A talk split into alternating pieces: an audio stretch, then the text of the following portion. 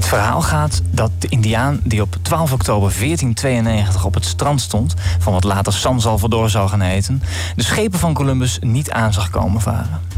Hij zag alleen vreemde rimpelingen in het water, doordat hij zich een schip niet kon voorstellen. Mensen zijn zo sterk geconditioneerd dat ze alleen dingen kunnen zien die ze kennen en mogelijk achten. Zo luidt de moraal van het verhaal. We weten niet of het waar is, maar we weten wel dat het met de Indiaan slecht is afgelopen. In Schepen aan de Horizon praten we over de vreemde rimpelingen die we zien in de hedendaagse economie en samenleving. Van Kronos tot Kairos en de oorsprong van de achturige werkdag tot deliberatieve peilingen en democratie. Van alles passeert de revue. Steeds vragen we ons af, wat zien we hier eigenlijk? En vooral, wat zien we niet, maar komt wel recht op ons af. Goedenavond en welkom bij Schepen aan de Horizon. Dit is aflevering 29 alweer. Het is vandaag 17 maart 2016. Mijn naam is Maarten Brons, ik ben uw gastheer. We zitten hier aan dek in de studio van Oog Radio. Naast mij zitten ook Liekle de Vries en Ronald Mulder. Heren, welkom. Goedenavond. Ook verwelkomen wij onze speciale gast van vanavond, Bart Brouwers. Hij is ondernemer en rughoogleraar in de journalistiek. Goeie. Welkom. Ja. Liekle en Ronald gaan met Bart praten over de toekomst van de geschiedenis van de. Nee, de geschiedenis van de. Gaat het nog goed komen met de journalistiek? Of is de journalistiek zoals we die kenden ten einde? Liekle, Ronald, Bart, vertel. Ja, Bart, goedenavond.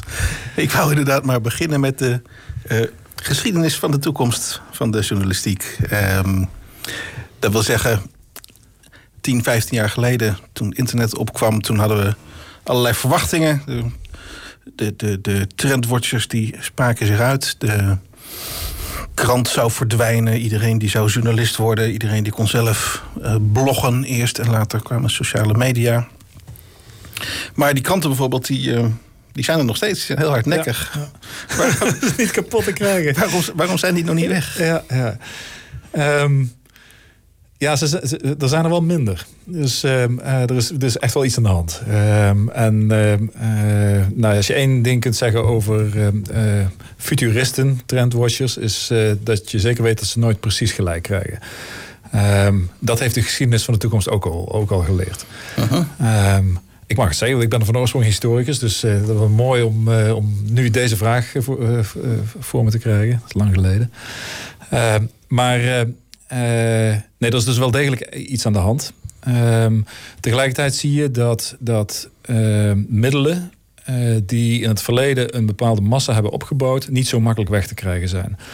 Um, en nou denk ik ook niet dat, dat de krant zomaar weg is, maar de krant als massamedium is echt wel aan het eroderen, zou je kunnen zeggen.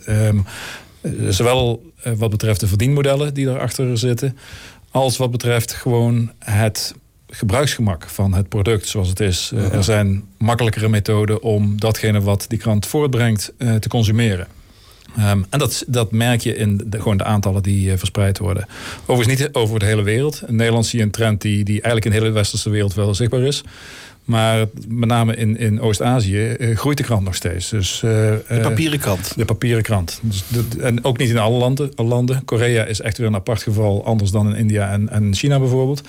Maar je ziet daar, de, de geschiedenis loopt niet gelijk wat dat betreft. Uh um, maar de trend, die zal ook daar op enig moment komen. En, en, ehm, dus dat, ja, die, die, die krant als massaproduct verdwijnt. Maar kranten zullen, zullen wel zichtbaar blijven, denk ik, eh, als nicheproducten. Dus voor, voor een specifiek publiek tegen een hoge prijs uh, die, die die specifieke consument bereid is te betalen. Maar dat is een beperkte groep. Ja, maar daar zijn, daar zijn we nog niet. Want de krant die, die nu verschijnt, die lijkt nog wel heel erg op die van 10, 15 jaar geleden. Ja, dat klopt. En, en, en, en doet het ook nog relatief goed. In ieder geval niet zo goed als, als uh, ooit. Maar uh, de meeste kranten, uh, hier in Nederland zeker, draaien nog steeds op, uh, op een, nou, als je het gewoon op jaarbasis bekijkt, op, op, op koers. Um, dus, dus er is een duidelijk verschil tussen de situatie zoals die nu is en de trend die we zien. maar die trend, die, die, die, als je die probeert te ontkennen, dan gaat het echt mis. Dan, dan, dan weet je dat je dan zeggen, in plaats van langzaam gaat sterven, een soort van zelfmoordactie aan het plegen bent. Ja, nou, de, dat was nog zo'n voorspelling van, uh, van 10, 15 jaar geleden. Toen zeiden we van uh, al die nieuwsredacties die moeten uh, online first moeten, moeten gaan denken. Die, ja. Natuurlijk kunnen ze nog wel een krant maken, maar dat, is dan, dat wordt meer een bijproduct. Ja. Je, het nieuws dat breng je zodra het er is. En dan...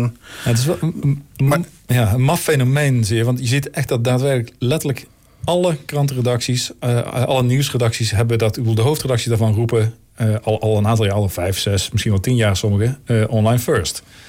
Um, en ze denken volgens mij ook dat ze dat in de praktijk brengen. Maar dat is in geen enkel geval echt zo. want wat ze doen is wel zeggen van, maar jongen, we moeten, moeten online niet vergeten. We moeten dat online echt, echt wel voor onze rekening nemen. Maar tegelijkertijd laten ze de oude processen, zoals die jarenlang gefunctioneerd hebben, bestaan. En eigenlijk kun je zeggen dat, dat als je het even toespitst op de krant, gewoon de, alleen al de aanwezigheid van een drukpers dwingt die hele organisatie om in een bepaald patroon met een deadline op een bepaald uur te blijven werken. En zolang die deadline cultuur er is, is het bijna onmogelijk uh, om zeg maar, die switch te maken naar een echte online first redactie. Met uitzondering misschien van uh, het FD, het Financieel Dagblad, uh -huh. die daar daadwerkelijk echt wel stappen heeft gezet in, uh, in de Nederlandse context. In Want die, hebben, uh, die zijn een stuk verder dan, dan andere. En kun je het verschil dan duiden? Wat doen zij dan anders?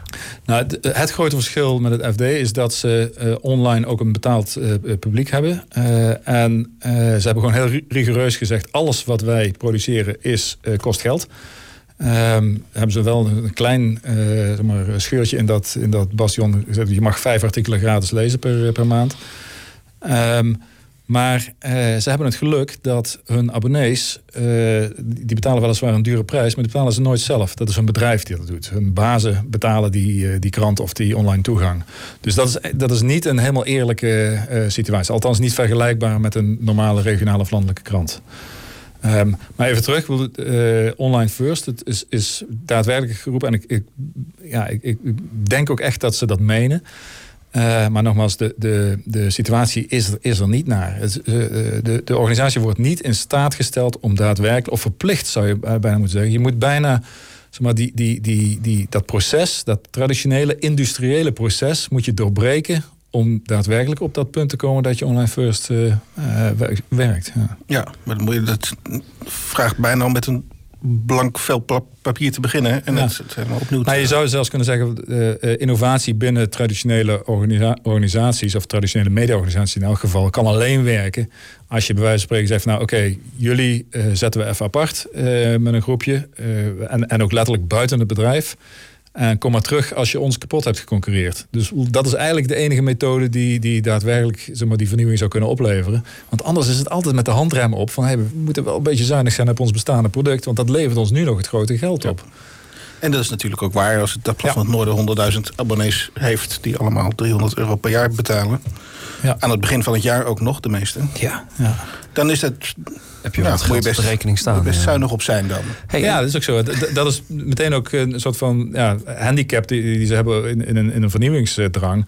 Um, ze kunnen het ook zich niet permitteren om heel veel te veranderen. Want dat publiek, ja, dat, dat, dat, dat ja, wil hetzelfde gewoon. Ja. Dus de vernieuwing moet van buiten komen. Geldt, uh, geldt diezelfde analyse ook voor um, radio en televisie? In zekere mate wel. Dus, radio en televisie zitten natuurlijk voor, voor een groot deel in andere structuren. Veel ook publiek uh, gefinancierd. Althans, deels publiek gefinancierd in, in, in veel gevallen. Dat, dat heeft een ander, nou, zeg maar, andere, andere constructie tot, tot gevolg. Dus ook andere processen. Maar ook daar zit er druk op. Dus ook in de publieke middelen zie je dat er nou, zeg maar, geknippeld wordt aan, aan, aan, de, aan, aan, nou, aan de funding. Um, dus ook daar moeten ze zoeken naar, naar nieuwe manieren om, om, om, om te overleven. Um, je ziet dat, dat op sommige plekken wel vernieuwing plaatsvindt. Maar ook daar de echte grote vernieuwing. Ja, misschien niet in de, in de nieuwsfeer. Maar Netflix is een grotere vernieuwing dan, dan een app van de NOS, uh, om maar wat te noemen. Ja, ja en, en er komen hele nieuwe producten op. Hè? Die pod, de podcastmarkt bijvoorbeeld. De, ja, in Amerika schijnt het al wat, wat voor te stellen. Uh, ik, moet, ja, ik, ik, uh, ik zie ik, ik, nou, in, in, mijn dagelijks leven en mijn omgeving, mijn vrienden, Ik hoor nooit iemand over podcast, moet ik uh, in alle eerlijkheid uh, bekennen. En uh, ik zie best, best nou, ik, uh, je kunt in ieder geval zeggen dat je er in één aanwezig was. Ja. Dat is ook, ook, een podcast. Ja, dat klopt. En ik zal hem op de fiets ook uh, gaan, uh, gaan gebruiken. Ja. we bedoelen maar te zeggen dat ja. drieënhalve man en een paardenkop kunnen een radioprogramma maken tegenwoordig. Ja, maar, ja misschien ben je nu wel precies op het punt waar, waar, waar natuurlijk de grote verandering van, van ja, de afgelopen 10, 15 jaar heeft, heeft plaatsgevonden. En dat is gewoon ja, de verschuiving van de macht. Want daar waar vroeger krantenredacties of, of nieuwsredacties in het algemeen, ook tv, uh, ja, het monopolie hadden, uh, is dat nu volledig verdwenen. Het waren zelfs verschillende monopolies. Je had natuurlijk het monopolie van, van de productie, monopolie van de distributie, monopolie van uh, ja, dus maar de IT, de techniek.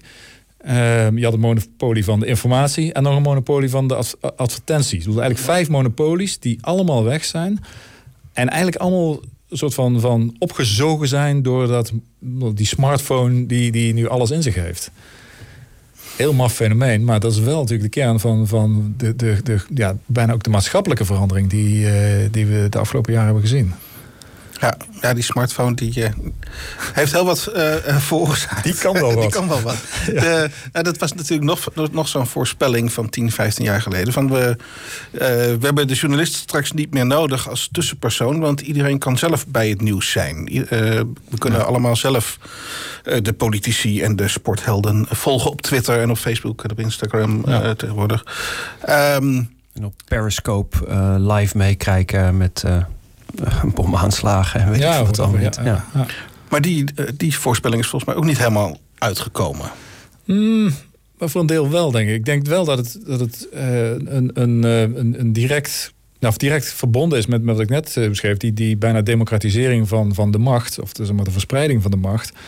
Um, het gebeurt wel. Uh, social media is wel een fenomeen. Het feit dat Wilders geen pers gebruikt of nodig heeft om zijn boodschappen uh, te verspreiden. En, en dat ook, laten we zeggen, in, in 140 tekens heel makkelijk kan. Uh, op elk moment dat hij, dat hij wil. Uh, het feit dat, dat voetbalclubs nu uh, met enig gemak kunnen zeggen: hey, bedoel, wij maken onze eigen tv-programma's wel. het feit dat Red Bull, dat vind ik nog steeds het mooiste voorbeeld, van een drankje is opgeschoven naar een gewoon mediabedrijf. Terwijl ze ja, eigenlijk geen enkele media, uh, zeg maar, oorspronkelijk media-achtergrond hadden. Ja, dat, dat betekent wel dat er echt iets veranderd is in die, in die constructie. En weer, uh, ja, uh, doordat die monopolies verdwenen zijn, maar de, de, de, zeg maar, de vroegere uitbaters van die monopolies, namelijk die, die publishers, die, die uitgevers, die, die redacties, nog wel in diezelfde mood staan. Dus daarmee zijn ze achter gaan lopen of er achteraan gaan sukkelen. Uh, en die, die, die inhaalslag is, is of die, die nou, zeg maar, weer terugkomen, is, is best ingewikkeld.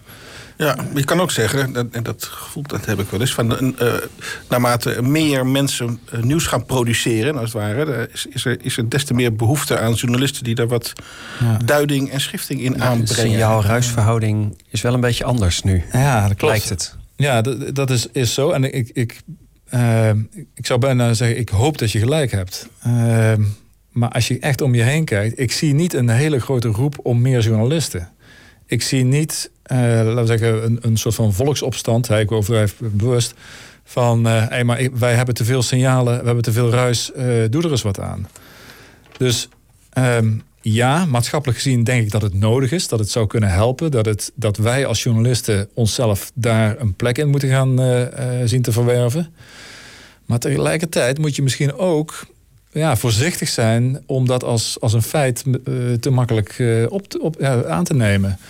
En nogmaals, er moet ook een publiek voor zijn. Ergens, die journalist moet betaald worden op basis van een behoefte bij een afnemer. Ja, dat is waar. Maar dat is, dus dat, uh, um, er zijn natuurlijk wel veel begrippen als, als, als curatie en zo. Die komen toch ja. wel op. Het is misschien ook wel een van de succesfactoren van Blendel bijvoorbeeld. Dat ze uit die artikelen een selectie alvast voor je klaarzetten. Ja. Nou ja, dat, dat zie je ook. En dat is natuurlijk het, uh, positieve. En dat moeten we misschien ook optimistisch op basis daarvan zijn. Uh, door een, ook een technische ontwikkeling kunnen wij heel veel op dat vlak al, al, al klaarspelen. Uh, ook machines kunnen op dat vlak het een en ander doen. dus, dus de curatie kan ook voor een deel gewoon door robots gedaan worden. in ieder geval die eerste lijn. ook dat is iets wat een journalist zou moeten accepteren. Want dat, dat gaat gewoon gebeuren. Um, maar ehm, ja, dat wil nog niet per se zeggen dat die journalist daarmee zijn bestaansrecht uh, uh, ja, bijna uh, verzekerd heeft. Um, hoezeer ik het ook zou willen, hè? want dat is, dat is echt een, soort van interne strijd natuurlijk ook in mij. Ik ben, ben, een, ben, een, ja, ik ben heel trots om, om journalist te zijn en, en ik vind het een heel belangrijk vak. Maar ik zie echt om me heen dat wij met z'n allen, uh, mezelf in kluis, uh, ja, er, er, op dit moment niet in slagen om, om dat bestaansrecht uh, nou, zeg maar voldoende te bewijzen. We laten het wel zien af en toe. En we doen, er zijn heel veel journalisten die heel veel goeds doen hoor. Dus echt, die indruk wil ik niet wekken dat dat niet zo is. Maar ehm, ja, er, moet meer gebeuren om dat bestaansrecht, uh, zoals je het net zelf omschrijft, uh, echt voor elkaar te krijgen. Ja, Oké, gaan we straks even over hebben wat er dan uh, zo al moet gebeuren. Het bestaansrecht, ja, en dat wordt natuurlijk in de toekomst één grote interessante boel. Want maken wij straks nog wel schepen aan de horizon? Of is dat een app? En maken we dat dan straks met een smartphone? Of hebben we nog een studio nodig? We praten erover met onze gast van vanavond, ondernemer en hoogleraar Bart Brouwers. Dit is Schepen aan de Horizon. U luistert naar Schepen aan de Horizon, post-industriële chronieken voor nieuwsgierige geesten sinds 2013. Ik ben uw gast hier, mijn naam is Maarten Bond en vanavond praten we over de toekomst van de journalistiek met onze gast Bart Brouwers. Tweet gerust met ons mee met de hashtag SADH. Op onze website sadh.nl staan ook onze vorige afleveringen en die zijn ook gratis beschikbaar in de iTunes Store bij de podcasts. Wat voor journalisten zijn er nu eigenlijk nodig? Ik geef het woord weer aan Ronald Mulder, Liekle de Vries en natuurlijk Bart Brouwers. Ja, dat is een goede vraag, denk ik, Maarten. Wat voor journalisten zijn er nu nodig? Want uh, we hadden het over alle voorspellingen die niet waren uitgekomen. Maar er is natuurlijk wel het nodige veranderd. Dus dat uh, vraagt om andere, andere journalisten. Um, ja. Hoe zien die eruit? Hoe zien die eruit? Ja, ja wat moeten ze kunnen? Ja. Nou, misschien is het goed om dan even te kijken naar wat, wat wij nu uh, bij de opleiding journalistiek hier in de, aan de universiteit aan het doen zijn. Um, alle opleidingen worstelen eigenlijk met één punt. Namelijk, uh, of eigenlijk met twee dingen. Aan de ene kant uh, dat het echt jaren kost om een opleiding te veranderen, aan te passen aan, aan ja, de eisen van de tijd. Want daar zijn allerlei ja, restricties voor. Je moet langs het ministerie, je moet uh, beoordeeld worden. Nou, uh, je moet er beoordeeld worden in oud systeem. Terwijl, ja, nou, dat duurt vier, vijf jaar voordat je die zaak hebt omgegooid. Uh, het gaat ook nog jaar na jaar. Dus Um, maar tegelijkertijd zien die opleidingen dat er iets anders nodig is. En zien ze dat de oude systemen uh, waarbij je uh, mensen laat afstuderen in ofwel krant, tijdschrift uh, of tv, radio, dat dat eigenlijk geen zin meer heeft. Ja, wat, wat in een, in een moeilijk en mooi woord convergentie is, is gaan heten al die platforms zijn bij elkaar gekomen en zijn eigenlijk online ja, in de mixer ge, ge, ge, gegooid. Um, dus dat is eigenlijk ook, en dat is eigenlijk, en terug naar de, Universiteit, Groningen nu, dat is wat wij nu ook um, uh, ja, zien als, als de basis van alles. Dat online speelveld, daarop gebeurt het. Dat wil niet zeggen dat je niet op enig moment je zou kunnen specialiseren in iets dat afwijkt of, of een, toefje bovenop dat online speelveld is. Maar die basis die moet door iedereen beheerst worden de wetten van het internet, de, de, de regels, de toolkit, uh, de hele gereedschapskist, die moet je uh, beheersen als, als journalist. Um, dus dat is de basis. En daarbovenop zie ik een aantal um, ja, pijlers, zou je kunnen zeggen, die, die echt vormgeven aan dat vak. En de ene is ja, bijna traditioneel de houding van de journalist. Hoe moet je in het leven staan om echt journalistiek werk te kunnen doen? Je moet nieuwsgierig zijn, je moet geïnteresseerd zijn, je moet ja, je, je los kunnen maken van je eigen uh, ideeën om iets te kunnen beschrijven. Dat soort traditionele, maar nog steeds heel belangrijke uh, punten. Het tweede is, uh, wat mij betreft, ondernemerschap. Je kunt het niet meer uh, permitteren, je kunt het je niet meer permitteren om uh, te doen alsof het geld vanzelf binnenkomt. Of je nou voor een bedrijf werkt of zelfstandig bent, dat, dat, kan, niet, dat kan niet meer. Je moet inzicht hebben in geldstromen. Uh, wat, wat moet ik doen om die geldstromen goed te kunnen beïnvloeden? Um, dat wil niet zeggen dat je uh, sales moet gaan, uh, gaan, gaan beoefenen. Dus je, dat, dat blijft een, een ander beroep. Journalistiek moet in onafhankelijkheid kunnen opereren. Maar je moet doordrongen zijn van jouw rol in het hele spel. Dat, in die zin ondernemers. Dat kun je heel scherp en heel, heel diep doen. En nou, voordat je daar een vervolgvraag over gaat stellen, want ik zie je popelen. De laatste pijler, wat mij betreft, is een specialisatie.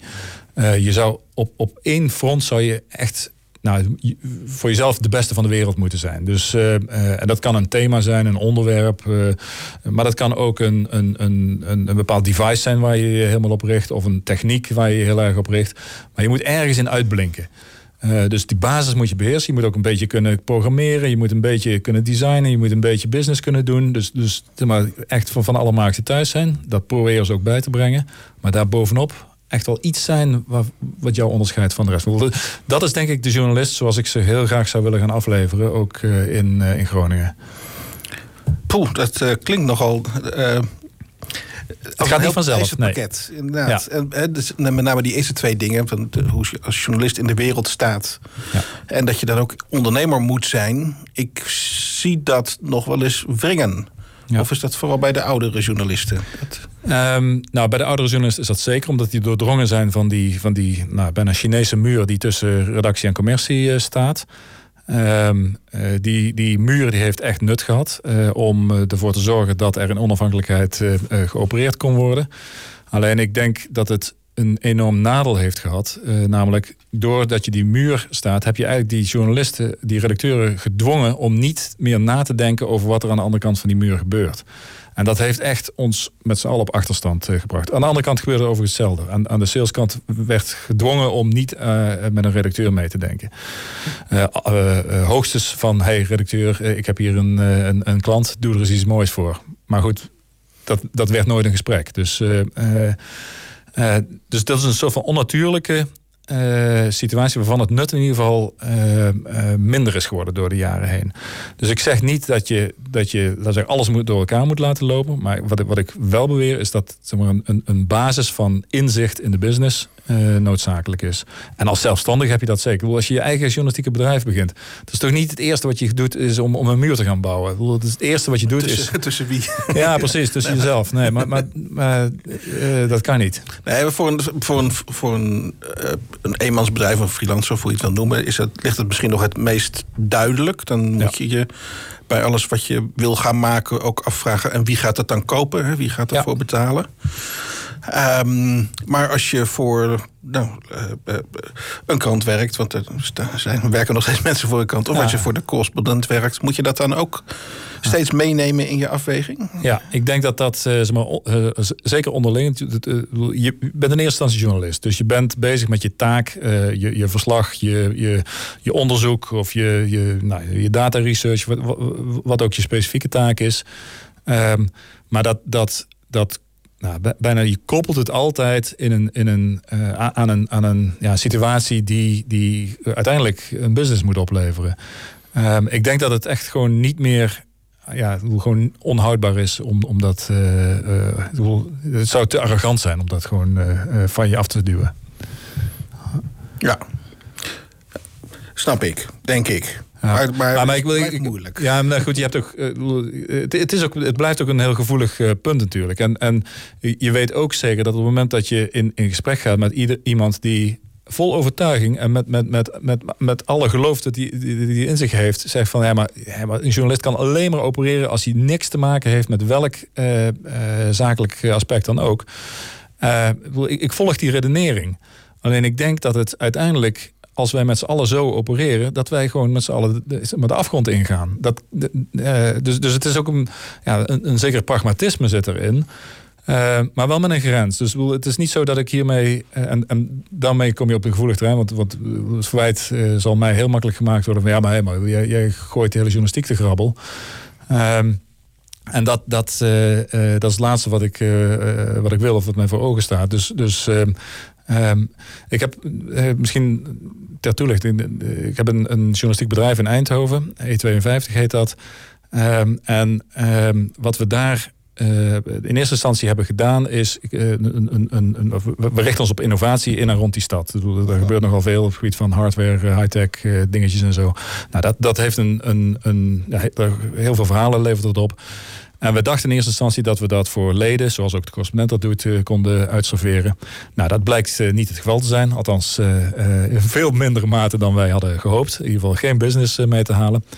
Dus de tweede slag die we hebben gemaakt is kijken in hoeverre bedrijven of bedrijfsorganisaties of koepels of overheden geïnteresseerd zijn in de waarde die wij bieden. We hebben nu een jaar lang zijn we bezig nu. We hebben inmiddels een enorm bestand aan verhalen eh, geleverd die bijdragen aan de kracht van die regio.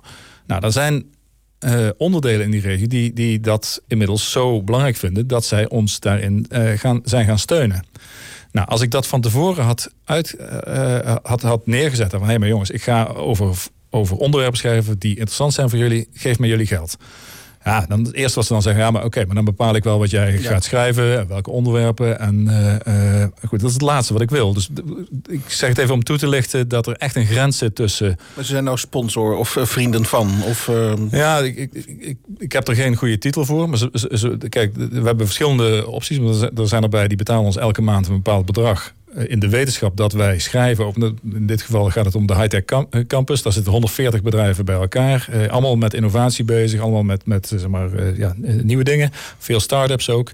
En wij, wij hebben laten zien het afgelopen jaar, nog voordat die sponsoring of die geldstroom naar ons toe kwam, dat wij dagelijks over die bedrijven schrijven. Dat wij interessante onderwerpen weten te vinden, elke dag weer. Um, kijk, als wij het niet redden, dan houden we mee op en dan, dan verdwijnt dat. En dat is wat ze willen voorkomen. Dus zij laten ons gewoon onze business, of onze journalistieke business, zou ik zeggen, eh, draaien zoals we dat eh, het afgelopen jaar hebben gedaan. Uh, in de hoop of in, in hun, uh, ja, met hun doel uh, dat wij daardoor kunnen blijven bestaan. En dat, daar heb je betaalde krachten aan het werk? Ja, ja op freelance basis. We hebben niemand in dienst. zo, zo goed gaat het nog niet. maar, maar we betalen freelancers, ja. ja. Het, nou, het is wel interessant, omdat we dat uh, moet je natuurlijk aan het begin van zo'n uitzending zeggen. Wij, we kennen elkaar uit een verleden waarin we allebei bezig waren om te kijken of je regionale uh, nieuwsmedia online um, overeind kon, kon krijgen. Want dat was nog zo'n verwachting. Als, de, ja. um, als je geen kranten meer hoeft te drukken, dan gaat je kostenstructuur zo omlaag. Dan komen misschien al die leuke regionale kranten en magazines wel weer terug, maar dan online. Ja. En dat is tot nu toe is dat heel lastig gebleken. Maar dat in Eindhoven kan dat dus met steun van het bedrijfsleven. Nou, ik weet niet of het kan, want we, we, we zijn nog onderweg. Hè. Dus uh, we, we, zijn er nog lang niet. Uh, maar ik begin iets te, te, ja, waar te nemen van een, een model dat op, op lange termijn zou kunnen gaan werken. Um, maar uh, daar is meer voor nodig dan we nu hebben. Uh, we hebben nu, denk ik, uh, zes of zeven klanten die, die ons uh, in ieder geval voldoende lucht geven om, om ja, voorlopig gewoon goed door te kunnen gaan. maar ja, wat je eigenlijk wil is ook mensen die dat bijvoorbeeld vast gaan doen voor mij. Ik, ik wil iemand die, ja, die, die, die. En nu, nu doe ik heel veel zelf ook nog. dat is op zich niet, niet erg, want ik vind het leuk om te doen. Um, maar dat kan ook niet altijd. Als ik in een college zit, uh, kan ik niet ook nog een stukje gaan schrijven. En al helemaal niet uh, vanuit Eindhoven.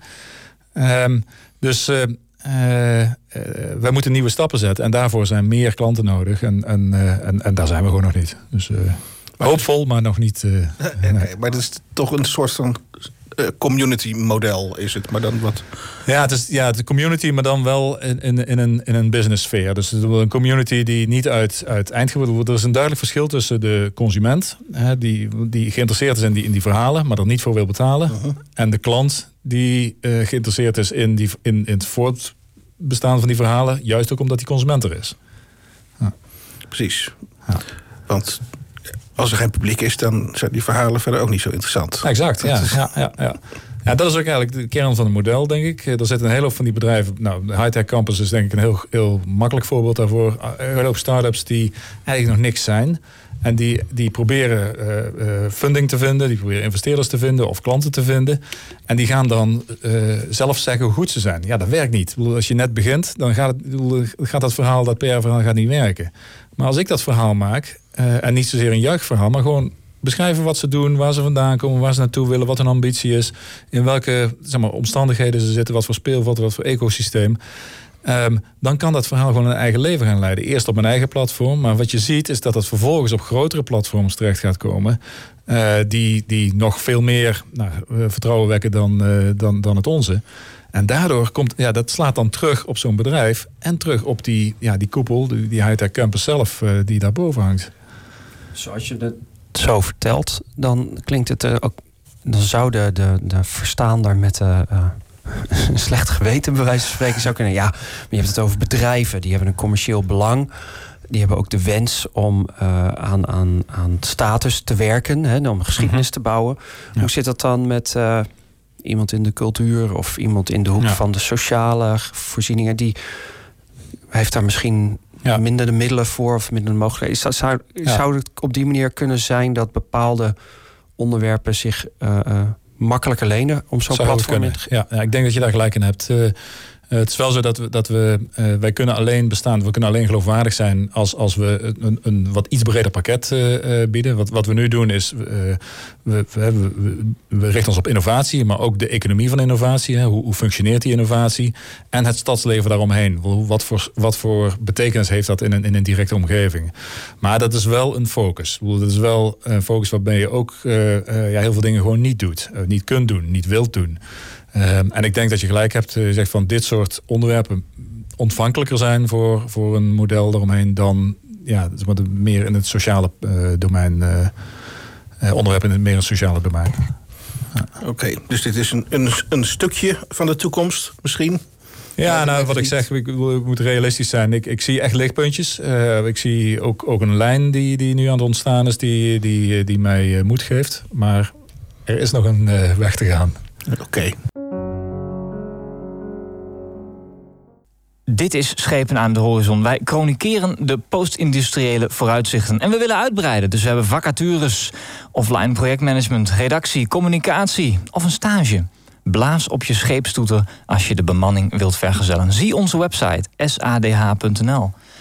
Vandaag praten we over de toekomst van de journalistiek met rasoptimist Bart Brouwers.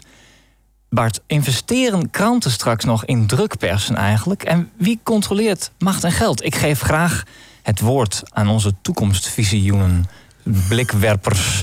Lieke de Vries, Ronald Mulder en natuurlijk Bart Brouwers. Take it away. Ja, dat is weer een mooie introductie, Maarten. Dankjewel. Um, ja, je stelt wel weer een goede vraag. Wie gaat de rijken en machtigen nog controleren? Want E52 hadden we het net even over. Dat is een ja. mooi voorbeeld van hoe nou, de, een model dat werkt. Um, maar de, de, hoe zeggen ze het altijd? De tak van de journalistiek is ook de verhalen uh, schrijven um, die de mensen niet opgeschreven willen hebben. Ja, de, ja, ja, klopt. Ja, en de rest is PR. Hè? Dat was uh, volgens mij uh, het, het, het gezegde. Um, ja, dat klopt. Die, die verhalen moeten geschreven worden. Die zitten overigens ook voor een deel op E52. Dus uh, we, we, we, we, we staan open voor alles wat, wat, wat, wat, wat zich afspeelt. als, als dat negatief is, dan, dan, dan beschrijven we dat ook.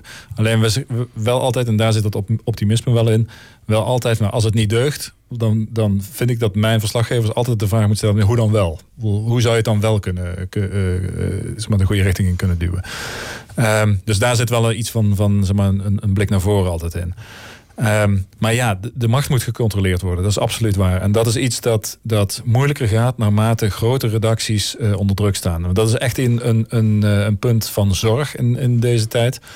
Uh, je ziet dat, dat de traditionele redactionele bol, bolwerken bij krantenredacties, maar ook bij, bij, bij clubs als NOS of, of RTL, uh, onder druk staan.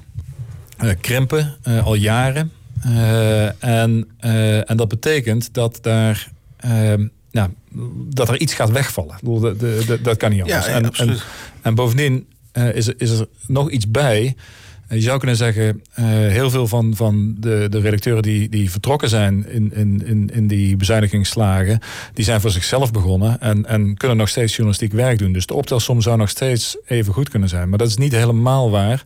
Omdat namelijk één aspect die, die grote redacties uh, ook, ook extra onderscheiden, dat is namelijk ehm, bijna de steun van het grote geld. Ehm, voor echt onderzoeksjournalistiek moet je soms op het randje lopen. En dat wil eigenlijk per definitie zeggen dat je eh, mensen met advocaten achter je aan hebt. Ja. En een freelancer uh, moet dan eigenlijk, nou misschien na, na, na, na heel korte tijd moet hij het onderspit delven. Gewoon omdat hij die strijd niet aan kan financieel. En dat is een, een dat is echt een zorg die, eh, die uh, voor, voor de controle van de macht nu ja, uh, aan, ik weet niet hoe dat, hoe dat in Nederland ligt, maar ik weet dat in de Verenigde Staten moeten freelancers dat inderdaad wegtekenen. Hè? De, hm. ze, ze, ja. Zij nemen alle verantwo verantwoordelijkheid ja, nou, zich. Ik kan me voorstellen dat het hier ook best al aan de orde is. Ik, ik, ken geen voorbeelden, maar, maar goed, die trend is, is, is wel zichtbaar. Ja. ja. Het is een beetje cynisch natuurlijk dat het is een beetje cynisch dat dan de, de een van de belangrijkste aspecten van een gevestigde redactie van Weleer was dat de financiële zakken diep genoeg waren om ja. advocaten te kunnen inhuren als je weer eens een keer uh, ruzie kreeg met iemand. Mm -hmm. uh, dat, dat, dat recht op vrijheid van meningsuiting, waarheidsvinding of welke ja. rechten we ook allemaal dan maar hebben, ja. dat, moet dus elke keer opnieuw bevochten worden. En dat is voor een ZP'er gewoon een grotere uitdaging. Nou ja, in principiële zin is dat recht voor iedereen hetzelfde. Ja. Uh, alleen in de praktijk blijkt dat recht natuurlijk wat ingewikkelder te zijn als je in je eentje uh, ervoor staat. Ja, dat, zo, zo is het nu eenmaal. En ik, ik nou, dat werd net uh, door Maarten terecht gezegd, ik, ik heb een optimistische inslag. Dus ik denk dat daar ook alweer nieuwe structuren gaan ontstaan. Er gaan samenklonteringen komen, coöperaties. Dus volgens mij volgende week of deze week wordt er een nieuwe coöperatie officieel opgericht in Nederland van, van freelance journalisten. Die, die best wel wat macht zou kunnen gaan ontwikkelen door juist het samenbrengen van, van, van die krachten. Um, dus, dus dat gaat ook alleen ja, het is lastig om nu in te schatten hoe, hoe dat uiteindelijk zich ja, echt, echt gaat plooien. Want, want uh, wat dat betreft zitten we nog ja, midden in die overgang. Uh, en en je zei in het begin, het duurt al 10, 15 jaar. Is het niet eens tijd om, om gewoon te zeggen, nou, waar staan we nu? Ja, we zijn echt nog aan, aan het door ja, ontdekken. En, en, en, en dat is voorlopig nog niet klaar. Nee, dat gaat vast nog wel door. We hebben natuurlijk um, in Nederland in ieder geval... en in, veel andere landen ook... Um, een uitzondering gemaakt voor uh, radio en televisie... Hè, waar we uh, een publieke uh, ja. infrastructuur hebben opgericht. Dus zeggen, nou, dat gaat gewoon belastinggeld... Um, naar, uh, naar uh, de journaliek, journalistiek. Ja. En daar maken ze ook voetbalprogramma's van en zo. Maar dat, ehm, en, en nog veel ergere dingen. Maar, de, ja. maar het principe is misschien niet zo raar. Dat de macht zijn eigen tegenspraak organiseert. Ja, ik vind het principe van, van publieke journalistiek heel, heel acceptabel. Sterker nog, ik denk dat we daar misschien wel meer naartoe zouden moeten gaan. Um, alleen zoals het nu georganiseerd is, is het toch een beetje raar. Een beetje uh, uit een oude tijd. Het feit dat tv en radio uh, uh, nou, zeg maar een publieke oorsprong hebben, is historisch gezien verklaarbaar. Er was schaarste en, en die schaarste kon opgelost worden door die steun. nu is er geen schaarste meer. Er is overvloed. als, als, als de NOS morgen omvalt, dan hebben we nog steeds alternatieven die, die dat kunnen, kunnen oplossen. Dus die, die schaarste als, als, als nou, nou, als bron voor, voor die steun, die is weg. Nou, dat ziet iedereen ook wel. Alleen inmiddels is, is de macht van, van nou, wat nu de NPO is... Uh, en, en alles wat daaronder hangt, ook, ook uh, regionaal weer... Uh, is, is zo groot, met name ook politiek, in de lobby's... dat, dat we nog steeds in dit systeem uh, eigenlijk vasthangen. Ehm, ik denk dat het, dat het ja, dat we uiteindelijk echt naar, naar een situatie toe moeten waarbij je eh, loslaat wat het platform is. Dus tv, radio, internet, uh, krant, wat dan, wat dan ook. Maar we moeten gaan kijken naar journalistiek. En, en eigenlijk de, de, de, de bottom line is, uh, en, en dat zou eigenlijk ook nu moeten gelden voor de publieke omroep, maar, maar ja, zover komen we helaas nog niet, is daar waar de markt het laat liggen, daar waar de markt faalt, zou je kunnen zeggen, of niet in staat is om iets te doen, dat daar de overheid bijspringt. En dat kan op heel veel verschillende niveaus. Op het moment dat je merkt dat een bepaalde gemeente uh, geen journalisten meer heeft uh, die, die verslag doen van het politieke proces of van belangrijke aspecten in de gemeente, ja, dan faalt de markt. En dan zou ik nu zeggen, daar, daar heeft een overheid een plicht om daar, een plicht, nou ja, een democratische noodzaak zie je dan eigenlijk om, om daar in te springen. Was er niet kort geleden in Friesland zo'n situatie waarin een, een journalist of verslaggever bij de gemeenteraadszittingen gezet ja, alleen dat, dat dus een, een beetje gekunstelde situatie was dat. Die is ook weggehaald. Uh, uh, eigenlijk de reden om de, dat die is weggehaald was omdat de verhalen die die journalist maakte nergens gepubliceerd werden. Want de bedoeling was van die gemeente, nou, we maken verslagen van alles wat er gebeurt. Die sturen we dan naar de kranten en naar de tijdschriften en, en, en alles. Iedereen die, niemand maakt er gebruik van op een gegeven moment zei de gemeente ook van ja, oké, misschien is dit niet de oplossing. Nee. Dus uh, wat daar fout is gegaan, ik heb daar geen grote analyse van gemaakt, maar uh, uh, in ieder geval op die manier werkte het niet. Ehm, wat je, wat je, maar de basis daarachter, en, en, en, ja, in dit geval was het gewoon een, een door de gemeente ingehuurde verslaggever, die ja, van waarschijnlijk de, de onafhankelijke media daaromheen dachten of zeiden of zagen, misschien zelfs wel, dat dat toch enigszins gekleurd was. Uh, althans, dat is de verklaring die ik uh, zo uh, me kan bedenken. Um, maar, de, maar wat ik zeg, het, het, het proces of het systeem wat ik net omschrijf, zou volgens mij best kunnen werken. Um, als je zeg maar, de, de garanties inbouwt dat het in onafhankelijkheid gaat, gaat, gaat plaatsvinden. Maar, maar je moet dan ook voor platforms zorgen. Nou, dus, ja, precies. Ja. ja, want anders dan krijg je hetzelfde als met die journalist in Heerenveen. of ja. als het, dat ja. er wel verhalen gemaakt worden, maar niet de wereld inkomen. Een platform maken is niet zo moeilijk. Een, nee. een website is zo in de lucht. Ja, exact. Lijkt me ook. Een Facebookpagina. Ja. ja. Ik weet niet of je dat wil, maar goed. Nou, maar het maakt ja. uit. Daar waar je publiek zet, moet je, ja. moet je publiceren, denk ik. Dus dat, dat is wel de, wel de. Want we hebben het in het begin gehad over het feit dat het monopolie op distributie weg is. Maar distributie is best nog wel een ingewikkeld verhaal, hoor. Uh, het is niet zomaar een... een dat weten we ook allemaal inmiddels. Er is meer nodig om te publiceren dan alleen maar gewoon een, een, een WordPress-platformpje in de lucht gooien. je moet dat zo maken dat er daadwerkelijk een publiek voor te vinden is. Want ja, dat is business natuurlijk. Eh, zonder, zonder afnemers geen, uh, geen handel. Nee. Zie je, ja, ik kan, kan de vraag nog wel stellen.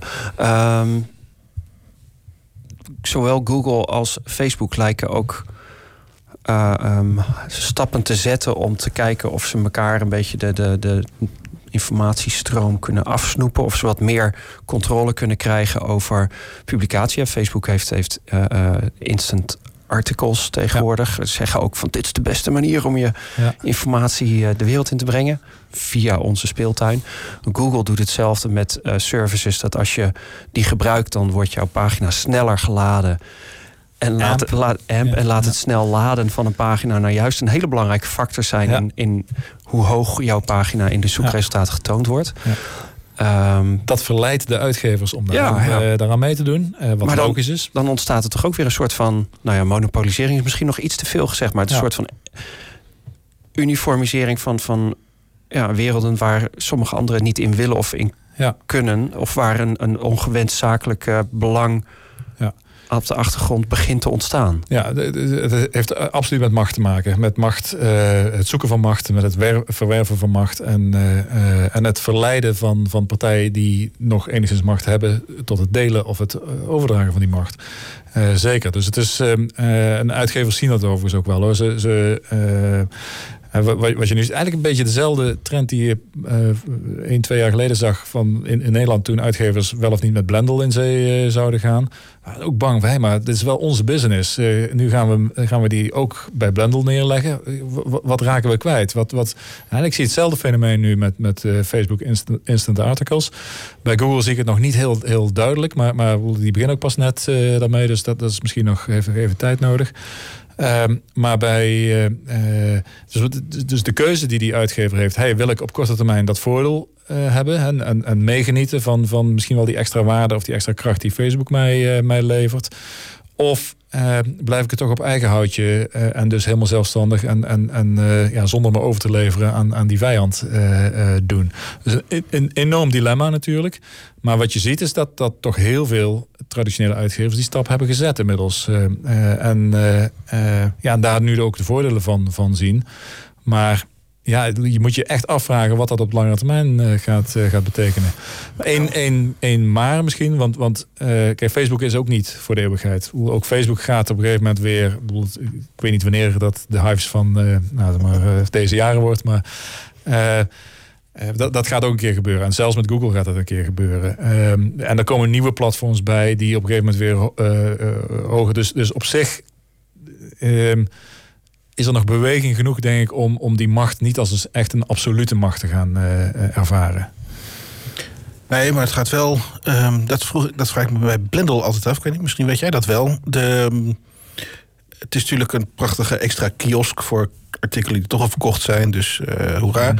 Maar um, hebben uitgevers ook inzicht in al die data die Blendel verzamelt? Want dat... Uh, nee, althans zeer beperkt. Uh, ze krijgen wel enig inzicht in, uh, uh, in, in, in, geografische data en, en man-vrouw data. althans, ik moet nu even graven, want dit is, dit, dit, en misschien is dat anders inmiddels. Dus, dus vergeef me even dat ik niet meer. De, de, want ik heb twee, tweeënhalf jaar geleden, nee, iets, ja, twee jaar geleden ook de onderhandelingen voor TMG gedaan om in Blendel te komen. -huh. Dus toen, uit die tijd weet ik wat er, wat er afgesproken was.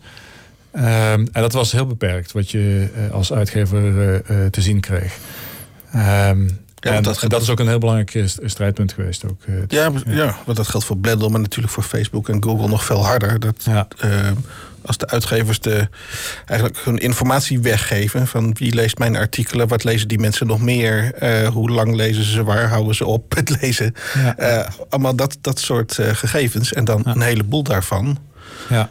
Um, dat is denk ik ook wat adverteerders weer willen weten. Je krijgt bij Blendel overigens wel inzicht in de artikelen die uh, uh, niet geaccepteerd zijn. Bijvoorbeeld. Hè? Je kunt bij Blendel zeggen van na het einde van het leven, nou, ik, vond toch, ik vond toch niks, ik wil mijn geld terug. Dat lijstje krijg je wel als uitgever. Ja, van denk, zegt Blendel dan, dat, dat is het meest leerzame voor jou. Precies, ja. ja, ja maar al die andere metadata en gekoppelde data, dat, uh, dat houdt Blendel voorlopig lekker voor zichzelf. Ja, ik, nogmaals, ik, ik heb niet de actuele status. Dus ik, maar, maar in ieder geval, dat was in het begin wel zo. Ja. Ja, goudmijn, goudmijntje natuurlijk. Ja. Nou ja, als ze er wat nuttigs mee gaan doen. Ja. Nou ja, goed, dus sowieso is het heel interessant om te zien hoe Blendel zich de, de komende tijd gaat ontwikkelen. Wat, wat, wat een noodzakelijke stap is en waar ze ook vol mee bezig zijn, is die internationalisering. Nederland is echt te klein voor Blendel. Uh, en en uh, de uitgevers, ja, die hebben inmiddels ook al door dat ze niet door Blendel ineens uh, het hoofd boven water kunnen houden, waar dat anders niet zou gebeuren. Uh, het, het, is, het is echt een druppeltje wat, uh, wat uh, voor de uitgevers, voor de individuele uitgevers. daarmee niet onbelangrijk of niet, niet nutteloos, maar, maar het is niet de redding. Ehm, en ja, dus, dus, die internationalisering wordt, wordt echt wel een interessante. Ja, en dan schaalt het toch best lastig. Omdat elk land zijn eigen leescultuur heeft. Je moet, je moet een eigen, eigen uitgeverijstructuur, dus je moet... Je onderhandelt je een slag in de rond, stel ik me zo voor. Nou, dat zeker. Nou, het is natuurlijk, technisch gezien is het wel schaalbaar. Dus in die zin hebben ze denk ik wel een mooi product staan... wat, wat heel makkelijk uit, uit te rollen is. Maar die onderhandelingen per uitgever die zijn echt intensief uh, uh, voor, de, voor de mannen. Um, en ook nog eens een keer ongewis. Hè? Want, want uh, de persgroep bijvoorbeeld is nu bezig met, met, een, met een eigen platform, uh, Topics. Uh, wat eigenlijk alleen maar voor persgroeptitels is. Maar waar dadelijk, als je abonnee bent van het AD, dan kun je ook inzicht krijgen in al die andere titels van, van de persgroep. Dankzij Topics. Dat is een soort van Blendel, maar dan intern. Mm -hmm. nou, ik kan me heel goed voorstellen dat er nu bij de persgroep ook mensen aan het overwegen zijn om dan Blendel maar te laten zitten. Dat is vergelijkbaar met artiesten die soms wel en soms niet op Spotify te vinden zijn. Ja, ja, ja zeker. Ja, ja. Ja, dus uh, uh, dat, dat uh, ja, ik kan me voor, als ik Blender was, zou ik me daar nou, ook wel een keer zorgen over maken. Ja. Ja. Hey, je gaf er net een aantal dingen waarvan je zei, daar gaan wij in onze opleidingen onze aandacht op focussen. Ja. Zit er één allerbelangrijkste bij? Nou, ik, dan, dan heb ik het toch over die journalistieke houding. Dat, dat, uh, dat, dat kan misschien wat ouderwets uh, lijken, maar dat is wel de basis van, van je, je, je bestaan als journalist. Dus je, je moet die nieuwsgierigheid, je moet die, die, die, ja, die, die drang in je, in je hebben om alles te weten te komen over nou, dat onderwerp waar je mee bezig bent. Daar begint het bij. De rest is functioneel daarvoor. En ook een deel ondernemerschap? Je ja. ook dat eigen maken in ja. de houding? Ja, nee, zeker. Maar, maar dan, dan komen we weer bij de toetsen en bellen eromheen. Maar als je het echt terugbrengt naar de, naar de, Ongeacht de, de, de tools, kern van de kern. Of het nou een potlood is, is, of een exact. laptop. Ja. Uh, of je nou Pietje Puk bent of Bellingcat. Ja. Uh, het begint met die drive om ja. het naadje van de kous te weten. Lijkt me een mooie afsluiting. Dat is Maarten, eigenlijk... ik geef het roer over aan jou. Dank je. Dat is eigenlijk wat wij ook doen. Het naadje van de kous willen weten. Wij volgen onze nieuwsgierigheid en dat brengt ons bij Schepen aan de Horizon. Dit is de 29ste aflevering. Reuze bedankt aan onze partners Oog Radio en Warpnet. Volgende maand zijn we er weer. Tot die tijd kunt u alles terugvinden online op sadh.nl en gratis in de iTunes Store bij de podcasts. Scheep aan de Horizon wordt gemaakt door Ronald Mulder, Lieke de Vries, Juri Sepp, Marielle Gebben, Linde Ex en mijn naam is Maarten Brons. De techniek was in handen van Ruurtjan de Mulder. Onze speciale gast van vanavond, Bart Brouwers. Zeer bedankt voor je komst naar de studio. Graag gedaan. Voor nu bedankt en tot de volgende keer.